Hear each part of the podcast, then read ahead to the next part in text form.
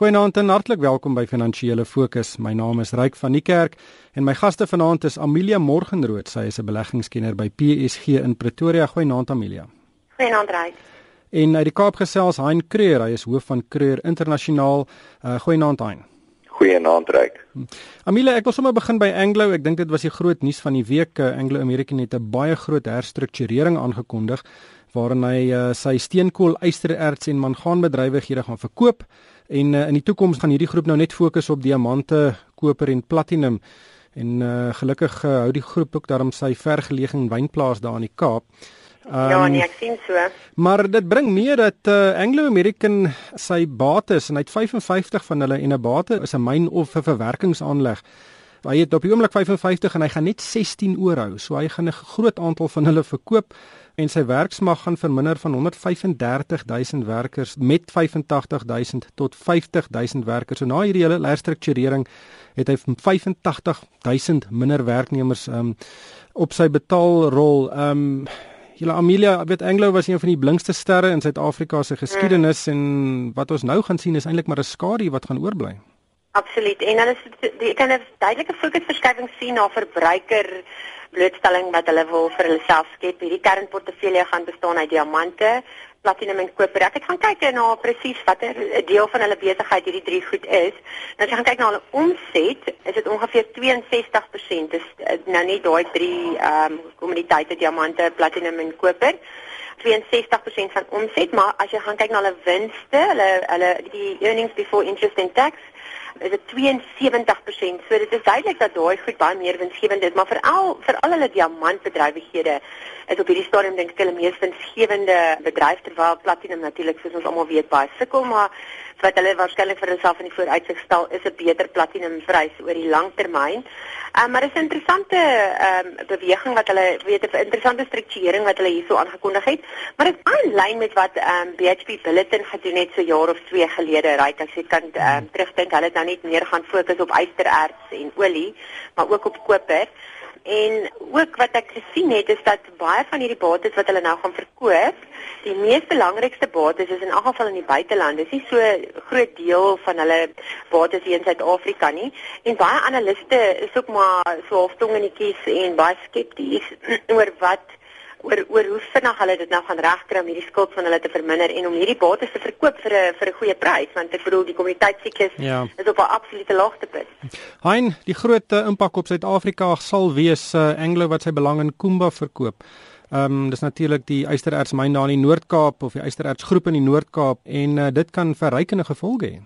Ja, dit is so en uh, maar ons moet ook onthou die opbrengs uit ystererts het in die afgelope jaar 'n paar jaar uh, baie sterk afgeneem en dit het gevolg gehad dat daar al reeds redelik baie werksgeleenthede verloor is daar. So dit is ook 'n baie kleiner uh, Kumba as wat ons 'n paar jaar gelede gehad het wat 'n baie winsgewende uh, en groeiende maatskappy was. Die voordeel is van dit vir vir Anglo om dit te kan verkoop is is dat Kumba is een van die ystererts myne in die wêreld wat 'n baie topkwaliteit graad ystererts vervaardig waar die vraag tans sowel as in die toekoms heelwat nog groter is as die breër basis tipe van ysterertsmyne wat mense elders in die wêreld en ook elders in Suid-Afrika kry. So daar sal heel waarskynlik 'n gewillige koper wees daarvoor in Suid-Afrika. Maar die impak in Suid-Afrika gaan hoofsaaklik wees verdiening van valuta in die buiteland. Eerstens, maar tweedens en eintlik waarskynlik die belangrikste en dit is die verlies aan werksgeleenthede in die mynbousektor. Amelia, ehm um, hoe David Gleason altyd gesê Albatros het vir hom gefluister. Nou ek het hierdie week het 'n Albatros vir my gefluister dat hierdie besluit al amper 3 jaar gelede in Londen geneem is en dat uh, daar baie meer ehm um, steek in die politieke onsekerheid in Suid-Afrika as uh, wat Anglo gesê het die herstrukturering volg uit 'n ekonomiese druk. Uh, weet dit... Ja, ek dink ehm um, weet eintlik was tot nou toe waarskynlik in 'n baie moeilike posisie om sommer net ehm um, al hulle Suid-Afrikaanse bates te kon verkoop. In die huidige omgewing wat kommoditeitspryse so dramaties gedaal het, het hulle waarskynlik nou 'n goeie verskoning op die tafel gesit om dit te doen. Uh, die onmiddellike reaksie van ons minerale hulpbronne minister ehm uh, Mosebenzi Zwane was dat ehm um, daar nou 'n nuwe swart bemagtigde kampioen hierso kan ontstaan wat dan nou al hierdie bates daar kan koop. En ek dink dit is waarskynlik wat gaan gebeur is dat ehm um, Engels gaan waarskynlik gedwing word om al hierdie bates vir 'n appel en 'n ei um, te verkoop aan uh, swart bemagtigde maatskappye in Suid-Afrika en hulle gaan dit waarskynlik moet doen in 'n poging om hulle lisensies vir die bestaande bedrywighede in platinum en diamante te kan behou. Maar die vraag is maar net, jy weet, mense mense wonder maar net of dit regtig so voordelig sal wees vir so 'n groep om hierdie bates te koop want die rede waarom Anglo daarvan wil ontslaa raak is juis omdat dit nie winsgewend is nie en juis omdat die omstandighede in Suid-Afrika wat betref arbeidsaangeleenthede so moeilik is en ongelukkig is daar in die die rekords lyk nie so goed nie. Jy weet eintlik het al van hulle bates in die verlede aan swart bemagtigde groepe verkoop en dit dan weer later teruggekoop. Hmm. Um omdat hulle gesukkel het om hierdie goed om hierdie om hierdie myne te bedryf en um suksesvol aan die gang te hou. Ja, so ek dink daar's interessante tye wat voorlê. Ongelukkig sien ek dit nie baie positief nie want ek dink baie werkgeleenthede gaan verlore gaan hoewel kyk hulle gaan nou hierdie hulle gaan nou baie minder mense op weet op hulle boeke hê en jy's maar as hulle hierdie myne verkoop om boord die nuwe eienaar mos na die werknemers oor te neem. Ja. Maar die vraag is maar net jy weet gaan dit vir hierdie ouens moontlik wees om al die om om al die werknemers oor te neem en om daai myne suksesvol te bedryf as Anglos dit nie kon doen nie. Hy net laastens uh Harry Oppenheimer het uh, Anglos begin in 1917 met 'n miljoen pond. Hoe dink jy kyk hy nou vandag uit die hemel uit neer na hierdie transaksie wat sy besigheid of sy nalatenskap so ingrypend verander?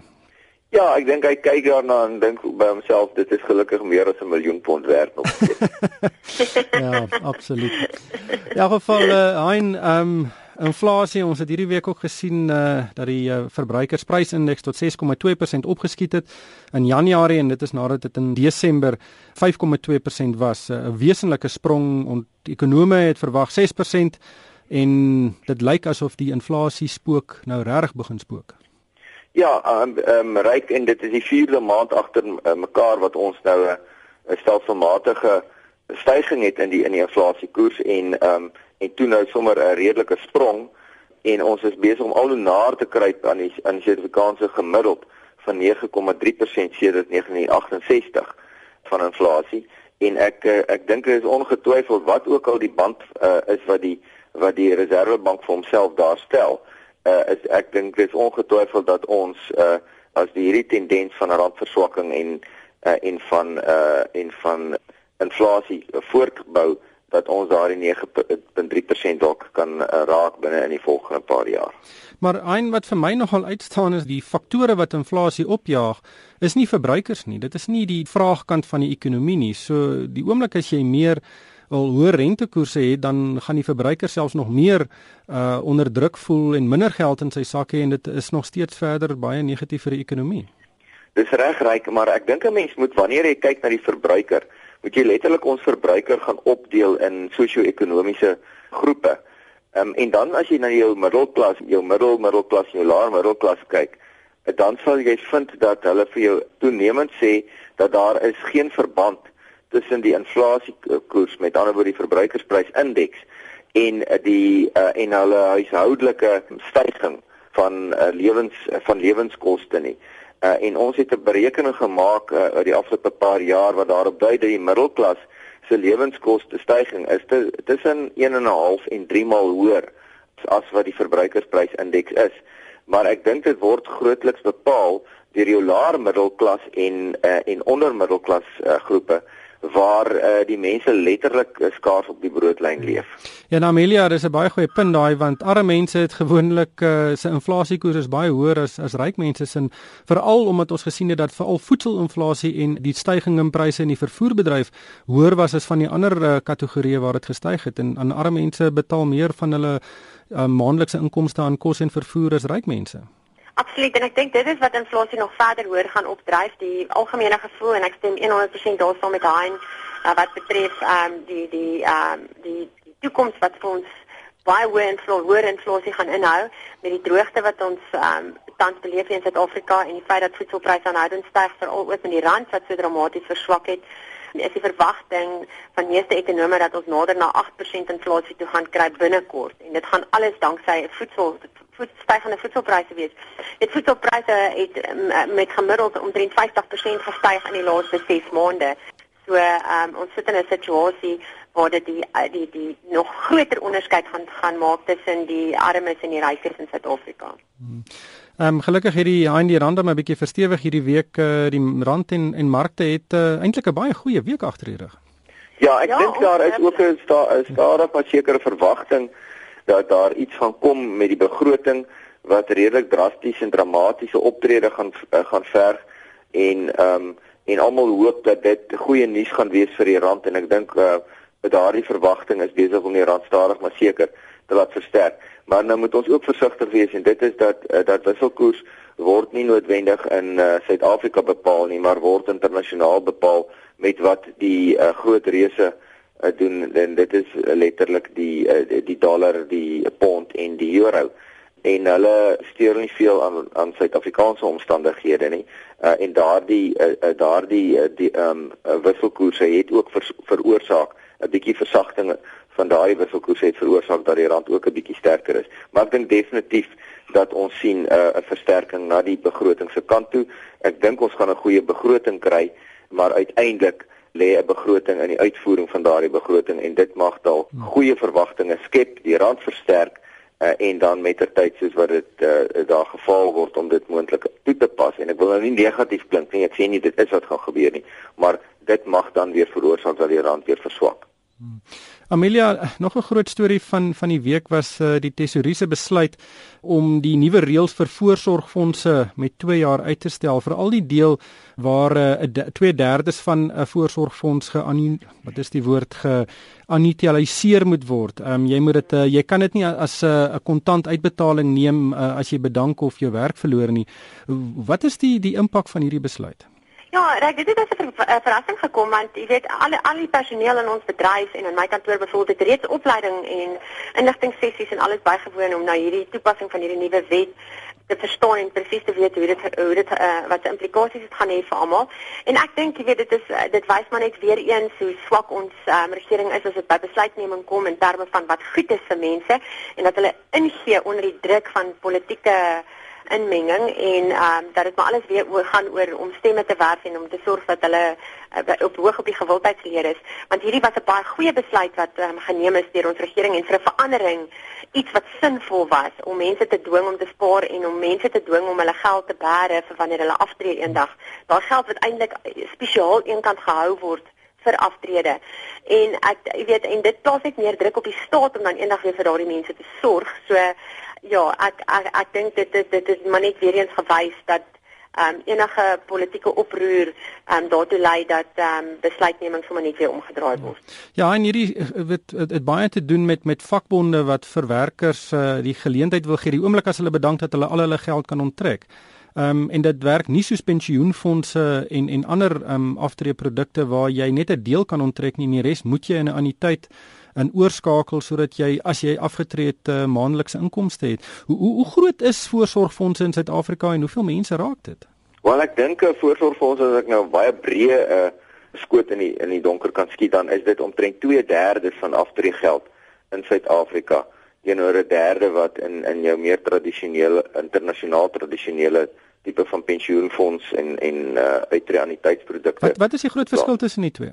Wel, die punt is dat en en soos soos Amelia ook gesê het is wanneer jy aftree op uh, op jou anniteite en op jou uh, pensioenfondse kan jy uh, kan jy plus minus 'n derde omskakel in kontant uh, en wat jy dan binne in jou persoonlike portefeulje bestuur maar wat gedoen word op 'n basis van uh, dit dit skep jou likwiditeit terwyl jou pensioenfonds gedeelte kan jy nie sommer net onttrek nie dit moet aan bepaalde pensioenfonds voorskrifte voldoen sodat dit uh, soveel as moontlik kontinuïteit kan hê totdat die tot die dag wat jy tot te sterwe kom maar met 'n met 'n voorsorgfonds kan jy letterlik al jou geld in kontant omskakel.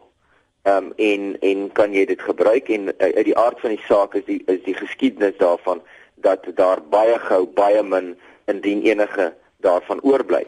Nou uh, tradisioneel het ons gevind dat uh, jou laer sosio-ekonomiese uh, vlak van werkers het uh, voorsorgfondse gekies terwyl jou hoër sosio-ekonomiese vlak het uh, pensioenfondse gekies en dit is tot vandag nou so. Maar ek moet jou sê ek dink 'n mens met die met die uh blame hier lê by die regering en dit is dat daar nie behoorlik gekonsulteer is, 'n uh, opleiding gedoen is tot op die vlak waar uh die besluit geneem is nie en dit is nou die tweede keer wat ons hierdie uitstel kry hmm. op die laaste nipper wanneer die hele bedryf alreeds ingestel is om die omskakeling te doen. Net laastens 'n Amelia storie wat ook nou nogal die aandag getrek het is dat 'n buffel in Suid-Afrika en sy naam is Horizon um uh, ene Pieter Bellingham met 'n belang van 25% in hierdie buffel gekoop vir 'n vir 'n stewige 44 miljoen rand. En dit plaas die waarde op by Buffel op 176 miljoen rand. Nou ek weet dit gaan goed in Pretoria. Uh, Amelia sal jy 44 rand 44 miljoen rand vir 'n 25% belang in 'n Buffel betaal. Ryk, ek weet dan nie hoor, maar ek het ook die storie met Fritz Maak gelees um, en ek het ook gesien wat die ehm um, hoe, hoe dit presies werk is. Elke een van die eienaars kan 10 koeie per jaar nou by hierdie buffel laat ehm um, teel en hulle kan dan nou die die die die of die kalfies hou. Dit is 'n baie interessante storie. Ek het dit nogal geniet. Ja, ek dink dit is dit dit, dit is nou 'n hoë risiko. Maar dit moet 'n um, borrel wees hierdie wildpryse, die pryse wat van hierdie wild uh, kry. Dit dit dis mos nie volhoubaar nie of is dit?